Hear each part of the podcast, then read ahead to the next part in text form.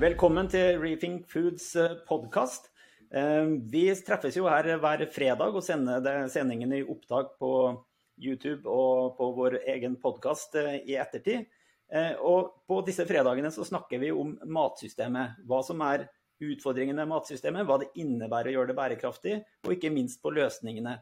Og i dag så er det virkelig løsningene som vi har tenkt å snakke om. For lurer, jeg lurer noen ganger på om det er sånn at glemmer vi at uh, det finnes løsninger på klimaproblemene og andre bærekraftsutfordringer. Uh, og er mer opptatt av å snakke om hva vi skulle ha løst, og hvordan vi skal få forska mer, få testa ut, og hvordan vi skal få hjelp av de med de gode ideene. Og rett og slett glemme at noe er jo gryteklart og står der klar til bruk, og har problemer med å bli etterspurt eh, fordi man kanskje ikke vet om det. Eh, og noe av det som kan oppnås med de teknologiene som ikke akkurat finnes eh, på hylla klar til henting hos Felleskjøpet butikker, men, men dog finnes klart, det er at man kan redusere behovet for gjødsling vesentlig.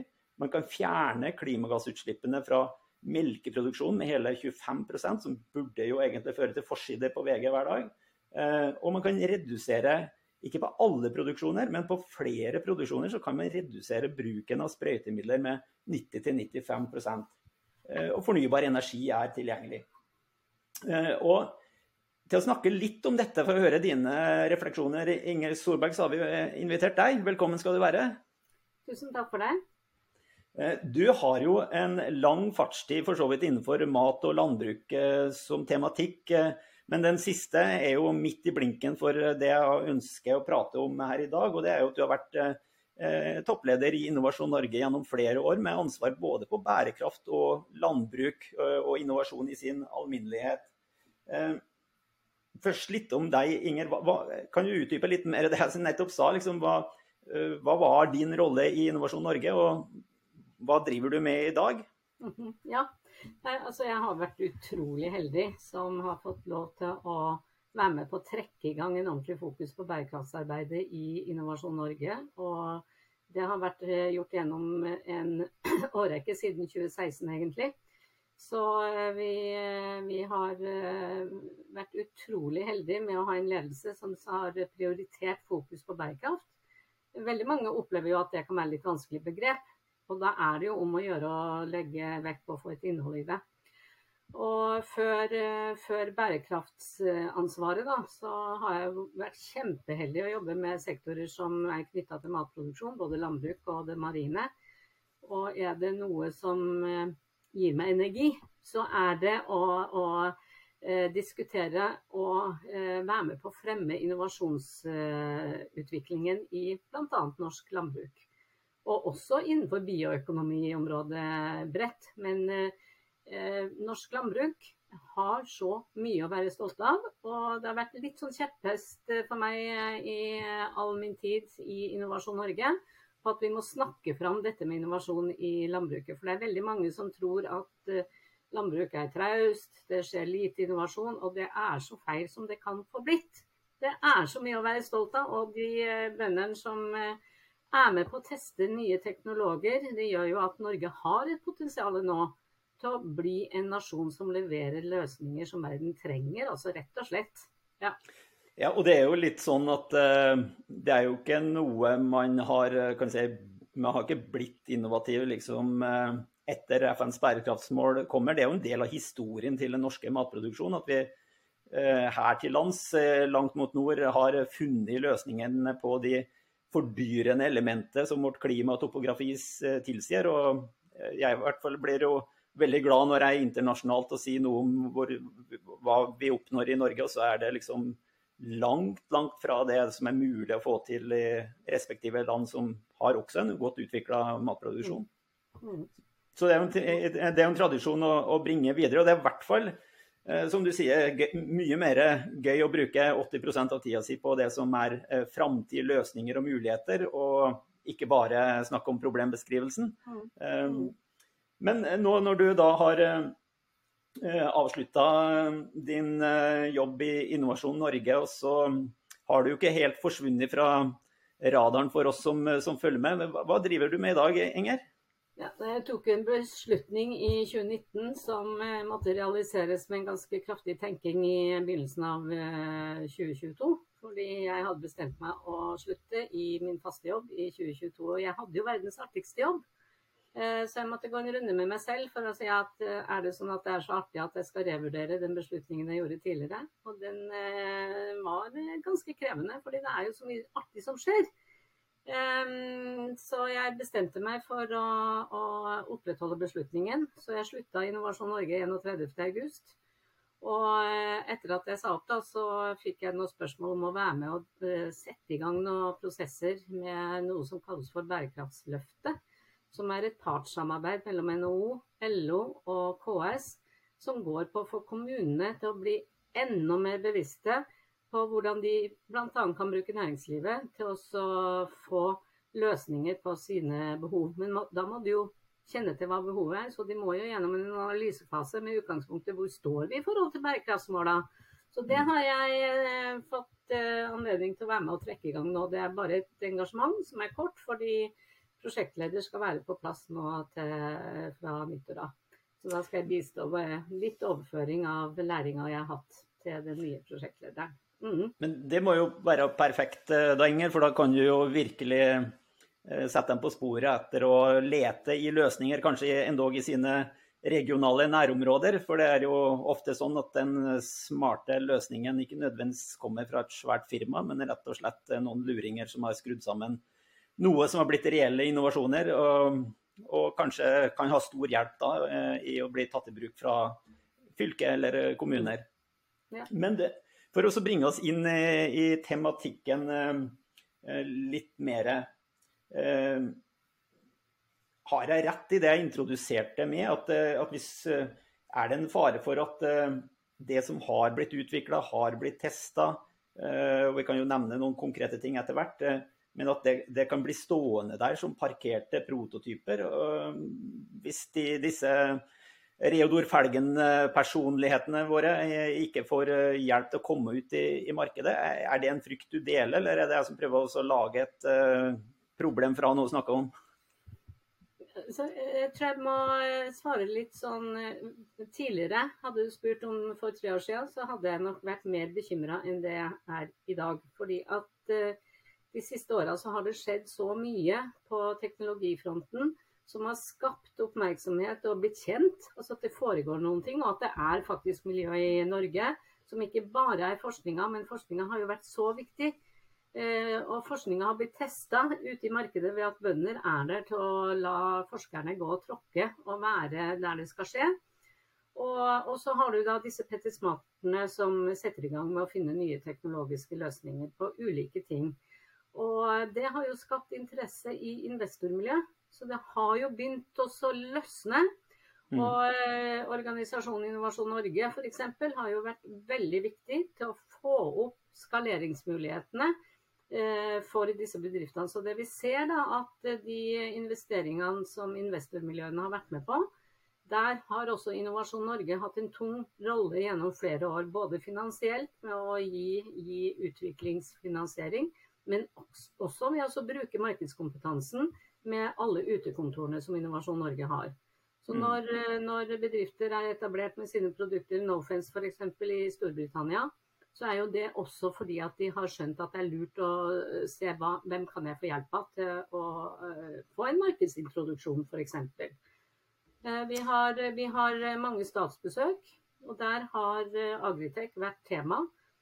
Fra Chile til nå sist i Kenya med kronprinsen og, og kronprinsessa i Sverige hvor Agritech er eh, noe som de markedene der ser til Norge på. Så da må man bare være der og få inngått avtaler som gir skaleringsmuligheter, da. Mm. Eh, men eh, til det, for da er det jo Da forstår jeg deg sånn at jeg burde ha sendt denne podkasten for tre år siden og vært enda mer bekymra, men, men, tross alt så går det i en, en, utvik, utvik, i en retning som gjør at de som som eh, har eh, laga gode, smarte ting som er nyttig for oss, eh, de, de får mer oppmerksomhet og mer hjelp nå enn, en tidligere. Og sånn sett så er det på, på, på rett vei. Ja, jeg, jeg syns det. Og så må man ikke sove, da. Og det er jo også sånn at entreprenøregenskaper har også noen sånn sterke foreldrefølelser. Så, eh, så disse eh, som er med på å utvikle nye løsninger, må også være åpne for disse investormiljøene og la dem slippe til. Og det har kanskje vært litt mye av at man holder litt for mye fordi det er så eh, ålreit å drive med utvikling. Men dette markedet det, det, må jo bare komme fra seg selv når at jeg har utvikla et bra produkt. Men ingen vet jo at du gjør det hvis ikke det blir vist fram. Så du må synliggjøre. Og der syns jeg det har eh, skjedd mye, mye positivt de to-tre siste årene. Altså jeg gjør det. Og det skal vi være glade for. Mm. Ja, det, det, det, er jo eh, Det er jo en kjensgjerning det at eh, selv om du har en god idé, en god løsning, eh, og for så vidt eh, har fått litt oppmerksomhet, så, så betyr det jo ikke at eh, hele matindustrien i, i, Norge, eller hele verden for den saks skyld, for dette er jo et globalt marked, at, at det er kjent. Så eh, disse Reodor Felg-personlighetene, hvis det er en rett eh, beskrivelse av det, de, de, må jo, de, må jo, våge å bjuda på, som svenskene sier. Mm. Men så er det jo også noe da at du trenger noen aktører som på en måte tråkker opp eh, eh, markedsbehovet. Og det er ikke sikkert at alle aktørene er så flinke på det. Jeg er ikke så sikker på at eh f.eks. de store matvarekjedene er flinke nok til å stille krav. Jeg er ikke Nei. så sikker på at det offentlige som, eh, som kunde er flinke nok til å bruke regelverket i offentlige anskaffer til å være tydelig på forventninger til krav til miljø- og klimaeffekter av de leverandørene som de ønsker å bruke. Så det er mye å gå på det her. og, og eh, da må det offentlige være veldig veldig tydelig på banen. Og nå hadde vi jo nylig lansering av ny matstrategi for utenrikspolitikken. Mm. Som er et ledd i den retninga. Og eh, alle disse tingene må på plass for at du skal få den eh, skaleringsmuligheten som vi faktisk har. Det hjelper ikke med bare finansiering, du må også ha det offentlige som interessent. Ja. Det, det, er jo eh, ofte da, på, på disse agritech-løsningene, sånn at det er løsninger retta mot primærleddet og innenfor både landbruk og havbruk, egentlig. Eh, og selvfølgelig da en innvitt til at de bruker det til å løse sine problemer. Eh, men strengt tatt så, så er det jo sånn at eh, man løser jo ikke et problem nødvendigvis til den bedriften eller gårdbrukeren eller fiskeren. Det man løser er jo et, en samfunnsutfordring. Og hvis vi tar da eksempelet med, med, med klimagassutslipp, så, så kan bonden gjøre ganske mye for å få ned klimagassutslippene. Men det er jo ikke noe sammenheng i at verdien på produktet hans øker av den grunn. Um, er det der eh, kan si, dagligvarekjeder og hoteller og restauranter eh, og det offentlige kommer inn eh, for å bake merverdi inn i, inn i foreta investeringen i hele tatt? Er det, det der skoen trykker, eller det som vil utløse kraften? Dette er et kjempeviktig tema, og det finnes ikke noe entydig svar på det, tror jeg. Eh, men, men at eh, alle de aktørene som er i, i, matsystemet, har et ansvar til å legge inn forventninger om eh, positive klima- og miljøeffekter, det er et must. Det er sånn at enn så lenge så vil det være dyrere med nye teknologiske løsninger. Men hvis ikke det stilles krav og forventninger om at det skal tas i bruk, så vil det ikke skje en økonomisk eh, endring på den sida. Eh, så jeg tror nok at eh, bønder her hjemme da, i Norge f.eks. også trenger incitamenter til mm. å ha en klar miljøfokus på sine investeringer. Og det har de i veldig stor grad, altså. Det, det, men, men, man kan godt utfordre det finansielle rammeverket rundt norsk landbruk til å se gjør vi nok. Det er ikke ja. sikkert at vi gjør. Jeg tror det er et potensial. Og hvis Norge skal vinne på teknologisida med landbruksteknologi internasjonalt, så må vi live the brand her hjemme. Det er en sammenheng. Mm. Det, det, er vel sånn på de fleste områder at det alltid er rom for et smule forbedring, så det skulle bare mangle. Men eh, i den grad du, du kan og eh, syns det er relevant, eh, det vi gjør i Norge på å ta i bruk ting eller etterspørre ting, og for så vidt også utvikle teknologi, hvordan ser du det i forhold til den kontakten dere hadde i Innovasjon Norge, og selvfølgelig opp mot EU, som i hvert fall har sånne offensive policyer på Green Deal og Farm to Fork og sirkulær økonomi. Eh, går det an å gjøre en sånn eh, karakterisering når du kort tid etter å ha gått ut fra ansvarlig posisjon eh, skuer litt tilbake? Altså jeg tenker at, som jeg sa i stad, vi må ikke sove. Det er ekstremt sterk drivkraft i EU. Og hele Green Deal, hele EUs taksonomi, har banknæringa og investormiljøene tatt inn over seg. Så at kapital kommer til å bli prisa og differensiert alt etter om det er grønne løsninger eller, ikke, det er det ingen tvil om.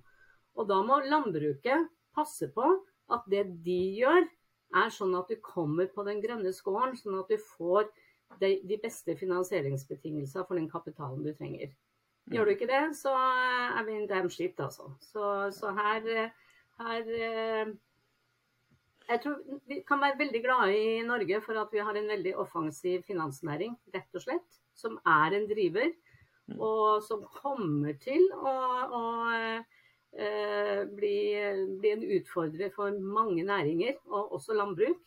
Og der bør også Innovasjon Norge på sikt være enda mer tydeligere, også i sitt landbruksoppdrag. Og det er ting som vi har diskutert med faglagene i forbindelse med jordbruksforhandlingene at jo tydeligere eh, krav man forventer på den kapitalen som Innovasjon Norge skal forvalte, eh, knytta til klima og miljø, jo bedre er det.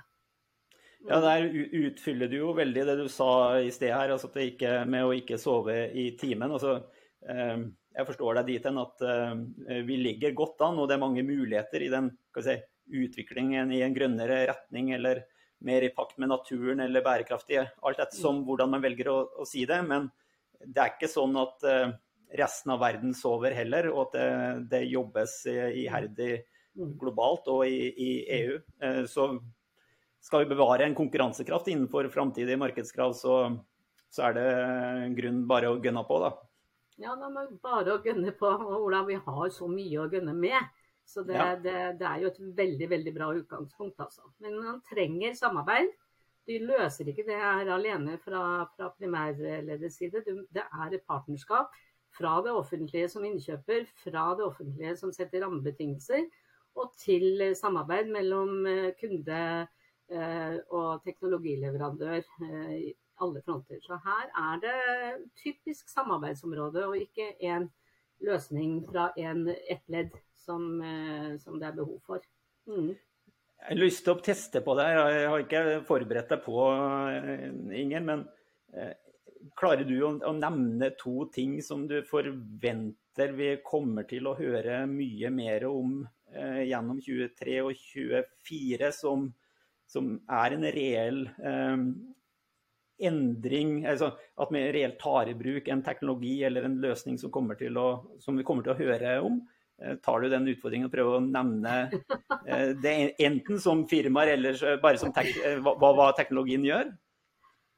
Så alle målretta tiltak, alle tiltak som både løser en produktivitetsutvikling og en klimautfordring, kommer vi til å høre mer og mer av. Presisjonslandbruk, eh, dyrevelferd, Eh, med, med, løsninger som at, gjør at man har eh, oversikt over eh, buskapen sin ute på beite. Mm. Alt sånn kommer vi til å høre mer og mer av.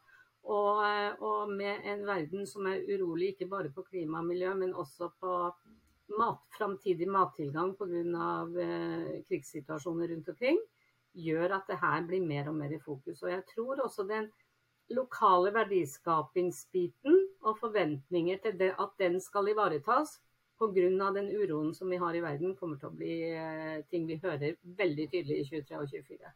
Jeg er overbevist om. Ja. Eh, så er det her med liksom, Hva er barrierene for, eh, for, for disse nye løsningene? Og noen ganger så så er det, som vi har vært inne på, det, det er kanskje ulønnsomt for den som skal kjøpe inn og ta det i bruk og, og, og sånne ting. En annen ting er jo regelverk, hvor, hvor vi har, for så vidt har et bra regelverk og som er velfungerende og, og bra, men, men, som ikke, ikke åpner opp for en ny måte å behandle jord på f.eks. som er eh, kontaminert eller ødelagt av, på, på, ulike måter. Eh, regelverk er det eh, kan ansvarlige myndigheter, da, som fort blir på direktoratsnivå, Mattilsynet og Miljødirektorat og, og tilsvarende, kan man forvente mer av de på å liksom rede grunnen for at ikke de lager utilsikta problemer med at bare regelverket er litt, litt gammelt? Jeg håper inderlig at vi ser en endring i det, og at man har en offensiv eh, holdning til å tilpasse regelverket for å få disse klimaløsningene som man er på jakt etter, på plass. Og så mm. hjelper det ikke da med, med regelverket ene og alene. Du må også ha et system som kontrollerer. Og vi vet jo i dag fra flere sektorer at eh, økonomien fort er styrende for de valgene man tar, og at det kan eh, gjøres en del shortcut som kanskje ikke er helt i tråd med regelverk. Fordi at eh, det har man alltid gjort, og det har jo ikke vært noe problem. Så jeg tror det er både behov for å fokus på tilpasning av regelverk, men også at du faktisk har et oppfølgingssystem, et kontrollregime som etterser at de endringene man, eh, man er på jakt etter, faktisk skjer. Ja, for da, da sikter du til at uh har, man har løst et problem eh, som for så vidt er krav om at skal løses, eh, men fordi man ikke har hatt en løsning, så er det ingen som kontrollerer eh, at det blir gjort rett. Og da er det da selvfølgelig fortsatt lønnsomt å ikke, ikke, ta i bruk det som er en, en løsning på problemet. Og, og en, et element i, i, det der er jo, som, som vi har snakka om før, det er jo jordbehandling. Uh, en ting som var et nytt for meg, som sikkert jeg burde ha visst for lenge siden, men det var jo at det, det finnes mye jord uh, på deponier. Uh, fordi det enten er fare for at det kan inneholde farlige sånn, parasitter og organismer, eller rett og slett frø, fremmede arter, som, som, gjør at man ikke får flytta jorda og, og spre en, en fremmed art det, det er jo eh, et eh, fylkesansvar å kan si, sørge for at uh, disse deponiene blir forsvarlig håndtert, og aller helst at den, den jorda blir frigjort. Mm. Uh, og, og, vi har jo et selskap eh, nede på, i Vestfold som har funnet en form for å dampe jord på Eh, og fjerne alle disse, disse, problemene, i hvert fall ut fra de Eller mange av de, ut fra de, mm. de testene som har eh, vært. Det er jo nesten en sånn liten game changer. Det er jo svære volumer både i Norge og resten av eh, Europa det er snakk om her. Mm. Tror du at de klarer å få dytta i gang en sånn, sånn, prosess, eller at vi kommer til å snakke om den liksom gjennom hele neste år og litt neste år, og så ja, tar, det, tar det veldig lang tid, men sakte, men sikkert kommer? Ja, jeg er alltid litt for mye tidsoptimist og sier at jo, det må jo bare på plass, og det er fort. Og så vet vi jo at uh, disse kvernene de kverner ganske langsomt, altså. Så at den teknologien med damping av jord at den kommer til å være der i framtida, er jeg overbevist om. Hvor mm. fort man får, uh, får gjort noe med hele systemet. Altså, nå er vi inne på anbudsregelverket. At man bruker anbudsregelverket når Vegvesenet, når, når uh, fylker skal ha noe prosjekt på gang, at man er tydelig på forventningene til, til f.eks. håndtering av jord. Uh, det er veien å gå. Hvis ja. ikke det stilles krav om det, da gjør man som man alltid har gjort. Så, uh, så, jeg er optimist på at det her kommer til å endre seg, men min tidsoptimisme tror jeg må revurdere litt, altså. Det kommer nok til å ta litt lengre tid. Ja, vi, det, jeg tror jeg deler den problemstillingen der med å tro at ting går fort. Men uh, det er jo lett å tenke at det som er logisk og åpenbart er riktig, i hvert fall i sitt eget hue, det burde alle skjønne og forstå, men det er jo ikke alltid sånn, eh, sånn ting fungerer. Uh, men, men til, tilbake til en sånn Eh, sånn det som Vi kunne nevnt andre eksempler, og, og du sa jo her i sted Nofen Nofence, som har digitale gjerder. og Innovasjon Norge har sørga for at de kom i kontakt med internasjonale markeder. Og vi har nå, nå eh, nitrogenhåndtering fra Ento Applied som er relevant. Mm. Eh, og de som driver med jorddamping, er jo eh, Soilsteam International. Eh, men for alle disse tre, da, som er kanskje veldig modne agritech-bedrifter, så Eh, så, så, ligger det jo også et sånn industrialiseringspotensial for da næringspolitikere som nesten konkurrerer nå om å si at vi skal bygge og utvikle ny industri når vi toner ned mm. den offshoreindustrien vi har. Um, skal jeg være ærlig og si hva jeg virkelig mener der, så, så syns jeg ikke det virker som de tror at det er mulig at dette kan sånne mindre bedrifter tross alt kan bli stor industri. Men markedet er jo kjempesvært. Um, det, det, forundrer meg faktisk at, eh, at, man ikke er mer hissig på grøten på å bygge industri på disse løsningene, mm. når, når, det er snakk om store markeder. Eh, norsk landbruk er jo ikke et stort marked, men europeisk marked. Og mm. der dere ferdes i Innovasjon Norge på de andre kontinentene, er jo enda større markeder. Mm. Nå er du inne på, på at og det, det, er kanskje noe der at så lenge du har et sektordepartement som på en måte har hatt ansvaret for det som skjer innenfor landbruk, så får ikke eh, du fram denne industrielle muligheten i et bredere politisk arena. Eh, jeg tror også det er i ferd med å endre seg. At eh, f.eks. Nærings- og fiskeridepartementet ser betydningen av å utvikle denne teknologien med sikte på skalering. Men vi har nok en tradisjon med, med å tenke at disse startups-bedriftene eh, er små, pislete greier som eh, det ikke blir noe volum ut fra. Og det, det, tilsier at det er kjempeviktig å snakke om det på alle arenaer. Mm. Få det fram på alle arenaer og vise at det går an. Og da tenker jeg å ta utgangspunkt i de som har kommet lengst, og så utfordre investormiljøene, som er en driver for å få opp skaleringsmulighetene det er, er, noe vi bør ha overalt uh, hvor, hvor uh, teknologi diskuteres, og ikke bare landbruksteknologi. Få det inn i de store teknologidiskusjonene. Det, uh, det får vi ta med oss. Du har, vel, du har jo kjennskap til alt som beveger seg på det området, og til dels hatt ansvaret for det. Og to ting som som i hvert fall tilfører dynamikk, selv om det liksom ikke har eh, utkrystallisert seg klart til, til hva det er. Det er jo eh, da ikke minst da den nye enheten i Innovasjon Norge med, med, Bionova, som nå er etablert og kommer opp på Hamar. og Der er de kjempeglade, kanskje mindre glad enn andre steder i landet hvor de ikke fikk kontoret. Men uansett, det, det å komme inn i budsjettet og starte sitt, eh, sitt løp. Og så har du de her inkubatorene rundt omkring i kongeriket som som har funnet ut at de skal begynne å samarbeide om å eh, lage, eh, utvikle et eh, miljø for eh, toppinnovasjon, kommersialisering. Så dra det mer ut i markedet, skreddersøm for eh, den type bedrifter som vi har nevnt, og de som, som kommer til. Eh,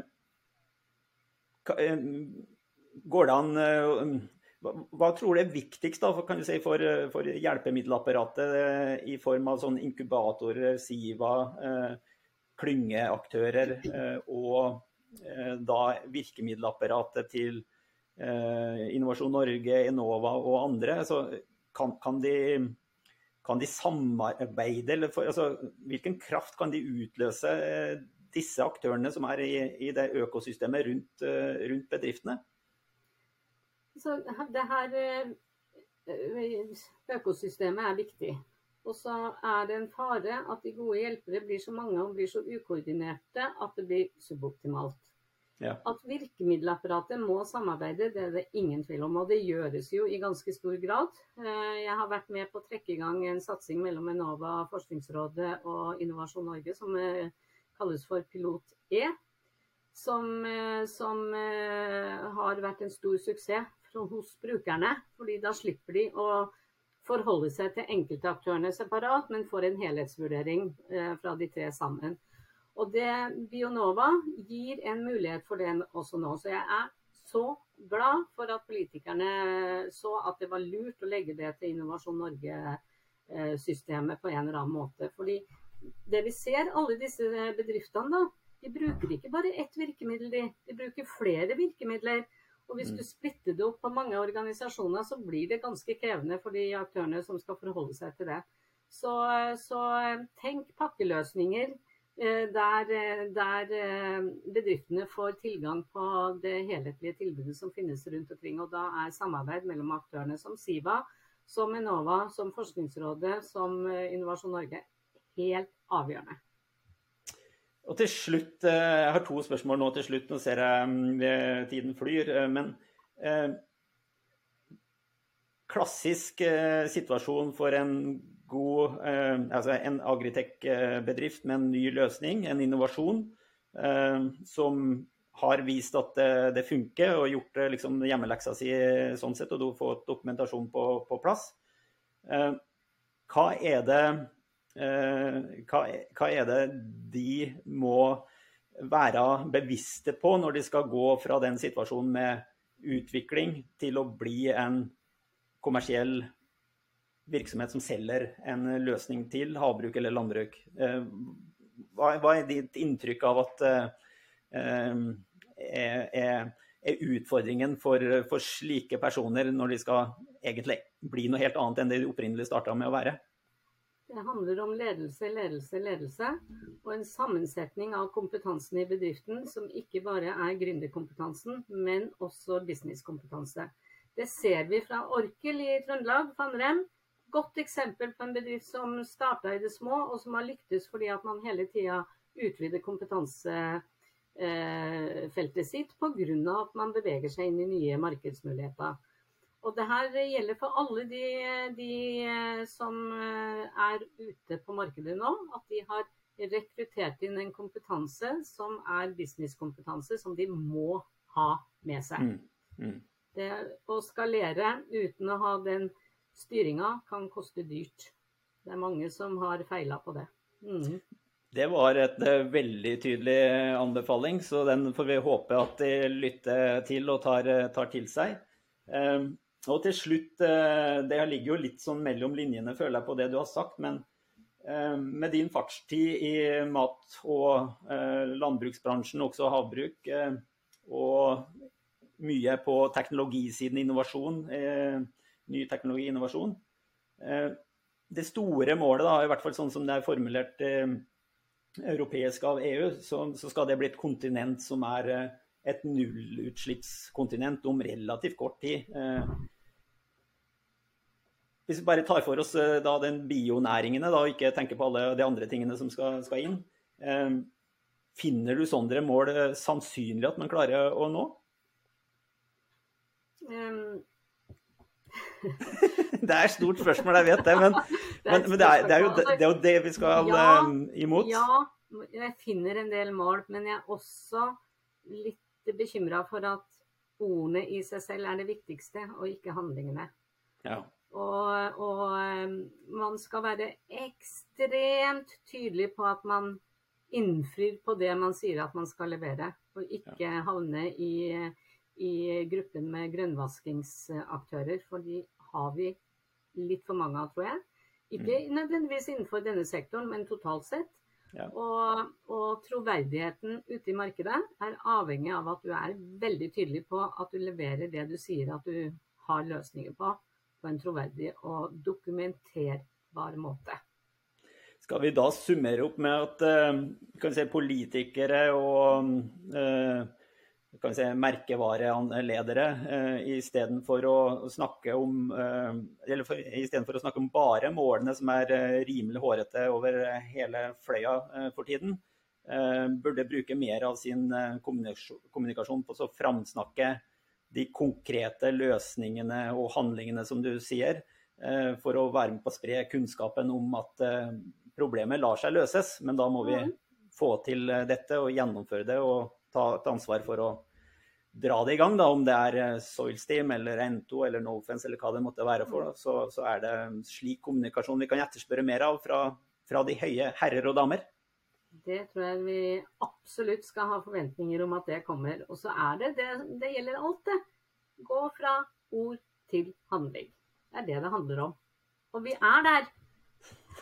Bra. Da vil ikke jeg tilføre mer, for det, det syns jeg var en god sluttreplikk, Inger.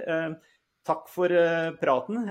Håper du får ordentlig bærekraftsløft sammen med, med, kommunene, og dere lykkes i å sette i gang det prosjektet. Kanskje kan vi snakke om det ved en senere anledning.